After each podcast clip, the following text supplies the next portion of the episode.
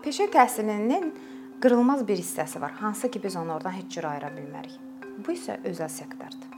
Peşə təhsili müəssisələri məhz günün tələblərinə uyğun olaraq hal-hazırda əmək bazarında olan tələblərə uyğun olaraq kadr hazırlayır. Bu tələblər hardan gəlir? Təbii ki, biz baxırıq özəl sektora, özəl sektorun tələbləri işə götürən onlardır.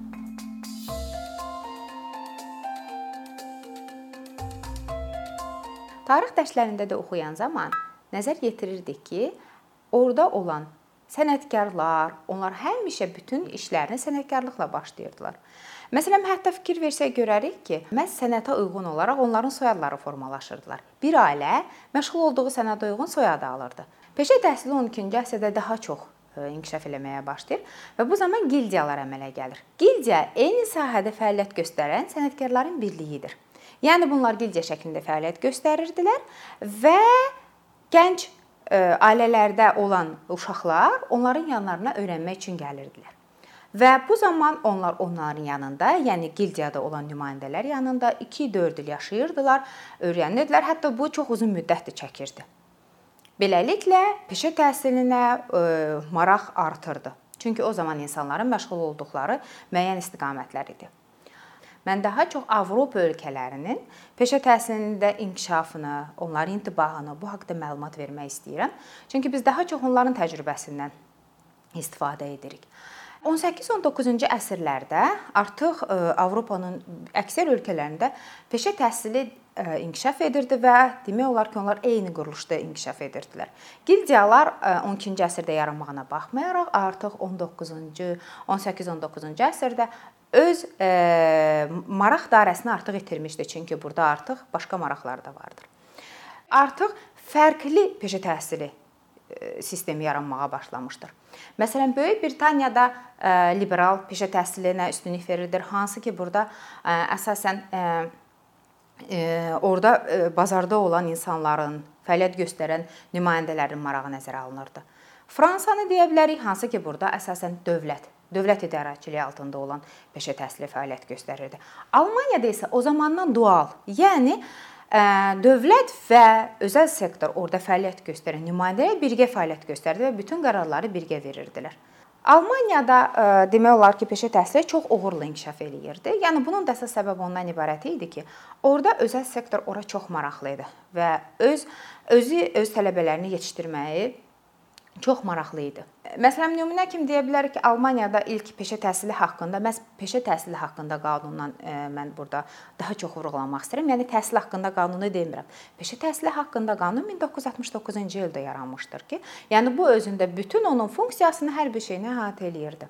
Bizdə isə e, ilk peşə təhsili haqqında qanunumuz 2016-cı e, ildə yaradılmışdır. Sual versək ki, hansı ölkələrdə daha yaxşı inkişaf eləmişdir? Oradan belə çıxır, bəli, peşə təhsili ancaq inkişaf etmiş ölkələrdə çox yaxşıdır. Yəni başqa ölkələrə siz əgər səfər etsəz, oradakı həmin ailələrdə qonaq olsaz, soruşsaz, onların əksəriyyəti siz övladlarının peşə təhsilində tədris aldığını deyəcəklər. Bunun səbəbi isə ondan ibarətdir ki, övladları peşə təhsilində ilkin olaraq ilkin bilikləri əldə eləyirlər. Və əgər o özünü orada tapırsa, həqiqətən o sənəti bəyənirsə, daha sonra təhsilini universitetlərdə davam eləyirlər. Və bu zaman ona oxumaq da çox asan olur. Mən sizə məsələn öz nümunəmi e, demək istəyirəm. Mən özüm e, magistr təhsilimi, yəni ikinci təhsilimi Almaniyada təhsil aldım. Mən gedib orada oxuyan zaman e, onlarla mənim aramda fərqlər var idi. Fərqlər nədən ibarət idi? Onlar artıq peşə təhsilindən gəlirdilər və onların praktiki bilikləri var idi və onlar sahəni çox yaxşı bilirdilər. Mən isə universitetdən getmişdim. Yəni təbii ki, mən nəzəriyyəni daha yaxşı bilirdim. Ancaq onların 1 e, saat oxumalı olduğu bir dərsi mən artıq 3-4 saat oxumağa məcbur olurdum ki, mən bütün məzmunu əhatə eləyim, araşdırım, necə olur, nə sistem necə qurulur, bunları öyrənim. Peşə təhsilinin qırılmaz bir hissəsi var, hansı ki biz onu oradan heç cür ayıra bilmərik. Bu isə özəl sektordur. Peşə təhsili müəssisələri məhz e, günün tələblərinə uyğun olaraq hal-hazırda əmək bazarında olan tələblərə uyğun olaraq kadr hazırlayır. Bu tələblər hardan gəlir? Təbii ki, biz baxırıq özəl sektora, özəl sektorun tələbləri işə götürən onlardır. Bəs o zaman biz fikirləşirik necə nəzərə alaq onların fikirlərini? Biz tədris üsulları hazırlayırıq. Məsələn, kurikulumlar hazırlanır. Dünyanın hər bir inkişaf etmiş ölkəsində və hal-hazırda inkişaf etməkdə olan ölkələrdə də bu kurikulumlar özəl sektorla bir yerdə hazırlanır. Çünki özəl sektor məhz özü bilir ki, hansı bilik və bacarıqlara ehtiyac vardır ki, gələcəkdə həmin tədris almış tələbə gəlib orada işləyə bilsin, uğurlu ola bilsin. Bunun üçün də özəl sektorla bir yerdə əməkdaşlıq çox mühümdür. Dual peşə təhsili nədir? Nə üçün biz ona peşə təhsili deyil də məhz dual peşə təhsili deyirik? Çünki orada tələbələri tədrisin əksər hissəsi məhz özəl sektorda olur. Yəni tələbələr nəzəriyyəni öyrənir, peşə təhsili müəssisələrində, daha sonra isə gedirlər özəl sektorda öz təcrübələrini tətbiq etməyə. Hətta nəzəriyyə belə ilkin olaraq peşə təhsili müəssisələrində birgə özəl sektorun tələbinə uyğun hazırlanır. Yəni hər kəs bilir ki, məsələn, Almaniyada peşə təhsili çox inkişaf eləyibdi. Məsələn, hətta digər ölkələr dual peşə təhsilini götürüb öz sistemini oturtdura bilmir. Çünki qeyd etdiyim kimi artıq bu sistem 12-ci əsrdən inkişaf eləməyə başlayıb və bu gün isə çox işlək mexanizmdir. Və onu götürüb bir ölkəyə tətbiq eləmək çox çətindir. Və buna görə də digər bir model olan iş yerində öyrənmə. Məsələn, work based learning daha çox eşidirik. Ümumiyyətlə peşə təhsilində təhsil əsasən iki komponentdən ibarətdir. Biz nəzəriyyəni hissəni öyrənirik, praktik isə çox mühümdür, vacibdir. Yəni hətta 30-un 70-ə, 60-ın 40-a faizinə götürə bilərik ki, 70-60% məhz e, praktik e, hissələri əhatə eləyir. 60-70% məhz özəl sektorda onlar təcrübə keçirilir. Bu gün biz Azərbaycanda, məsələn, bizim peşə təhsilimizə nəzər yetirəndə, bizim peşə təhsili də eynəndir. Yəni nəzəri hissələrimiz var və bizim praktik hissələrimiz var.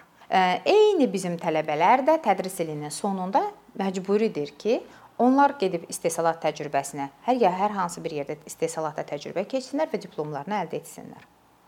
Bəs biz iş yerində, real iş yerində öyrənmə dedik. Ondan bunun fərqi necədir? Sadəcə bizdə əgər tədris ilinin sonunda 3 ayda uşaqlar təcrübəyə gedirsə, o təcrübə müddəti məhz il boyu bölünür və uşaqlar bildiklərini daha çox mənimsəyirlər daha çox öyrənmələrinə və onları tətbiq etmələrinə şərait yaradır. Azərbaycanda məsələn peşə təhsilinə əgər biz nəzər yetirsək, son zamanlar görürsüz ki, çoxlu yatırımlar edilir. Çünki peşə təhsili həqiqətən də çox ə, ə, bahalı bir təhsil növüdür. Niyə bahalı təhsil növüdür? Çünki peşə təhsilinin özündə də həmin avadanlıqların, hansı ki, istehsalatda var, onların kiçik modelləri də olsa öyrənmək üçün orada olmalıdır. Və bu da öz növbəsində xərc tələb eləyir. Onun üçün də e, peşə təhsilinə bu gün çoxlu yatırımlar eləyir, olunur, yeni yanaşmalar gətirilir və həqiqətən də peşə təhsilinin inkişafı ölkənin özünün də inkişafının e, bir hissəsidir, əsas hissəsidir hətta deyərdim. Mən e, öncədən də özəl sektoru vurğuladım. Məsələn, özəl sektor hər bir digər ölkələrin nəzər yetirsək, özəl sektor orada məsələn Almaniyada eşitmişik daha çox ticarət palataları daxilində başqa bir yerdə, başqa bir ad altında onlar birləşirlər və yaxud da ki, dəyirmi masalar. Harda əgər yoxdursa bir mexanizm, onlar dəyirmi masa ətrafında birləşirlər. Dəyirmi masa ətrafında bütün bu mövzuları, qəbulu, tədrisdə nə dəyişməlidir, hansı yatırımlar edilməlidir, ümumiyyətlə onların istəkləri, həqiqətən peşənin keyfiyyəti, bu kimi və digər aspektlər dəyirmi masa ətrafında müzakirə aparılır. Biz BMT-nin inkişaf proqramı ilə peşə təhsili üzrə Dövlət Agentliyi birgə icra etdiyi gələcək üçün peşə təhsili və təlimi Azərbaycanda qabaqcıl peşə təhsili müəssisələrinin yaradılması layihəsini icra eləyirik. Və həmin layihə çərçivəsində öncə sadaladığım və Avropanın da gedən təcrübələrinin Azərbaycana lokal şəraitə, yerli şəraitə uyğunlaşıb tətbiqinə dəstək oluruq. Məsələn, bunlardan qeyd etdiyim özəl sektorun cəlbi. Biz onun üçün fikirləşirik ki, Milli Məşvərət Şurasının yaradılması və maraqlı tərəflərin həmin şura ətrafında birləşməsi və bunu müzakirə etməsi həqiqətən də peşə təhsilinin inkişafına və qeyd etdiyim əmək bazarının tələbinə öz töhfəsini verəcəkdir. Çünki artıq onlar birgə, hər kəs bir yerdə müzakirə edəcək, və müzakirənin nəticəsi olaraq qərara uyğun olaraq onların tətbiqinə dəstək olunacaqdır. Mən e, bu e, peşəyə yatırımların edilməsi, dəstəyin göstərilməsi, yeni proqramların, yeni yanaşmaların, innovativ yanaşmaların tətbiqini də qeyd etmək istəyirəm. Yəni e, biz e, yeni yanaşmalar deyəndə nəyi nəzərdə tuturuq? Məsələn, burada yüksək texniki peşə. Hal-hazırda tələbələr yüksək texniki peşədə tədris ala bilərlər. Bununla yanaşı peşə təhsilində daha çox eşitmisiniz, düzdür. Hə, təbii ki, siz bunu başqa ölkələr timsalında eşitmisiniz. Ancaq biz layihəmiz çərçivəsində həmin yanaşmaları Azərbaycanda tətbiq etməyə dəstək olacaq. Bunlardan yaşıl bacarıqlar, gələcək üçün bacarıqlar, dual ikili dərəcəli proqramların tətbiqi. Məsələn, eşitmisiniz VR, virtual reallığı əks etdirən avadanlıqların tədrisin tətbiqi. Mən həmişə auditoriyaya girəndə tələbələrlə danışanda onlara həmişə deyirəm ki, sizin bir həyatınız var və bu həyatı yaşamaq sizlərin əlindədir. Onun üçün öz həyatınızı sevmədiyiniz, kiminsə arzusu olan bir ixtisasa sərf etməyə dəyməz. Onun üçün peşə sizin üçün çox ideal bir şansdır ki, imkandır. Siz gəlib öz bilik bacarığınızı özünüzü burada tapasınız və daha sonra hansı istiqamətdə, hansı təhsil pilləsində davam etməkmi yoxsa həqiqətən də startap olub öz biznesini qurmaqmı fikirləşirsiniz? Onun üçün yəni peşəyə gəlmək sizin üçün bir şansdır.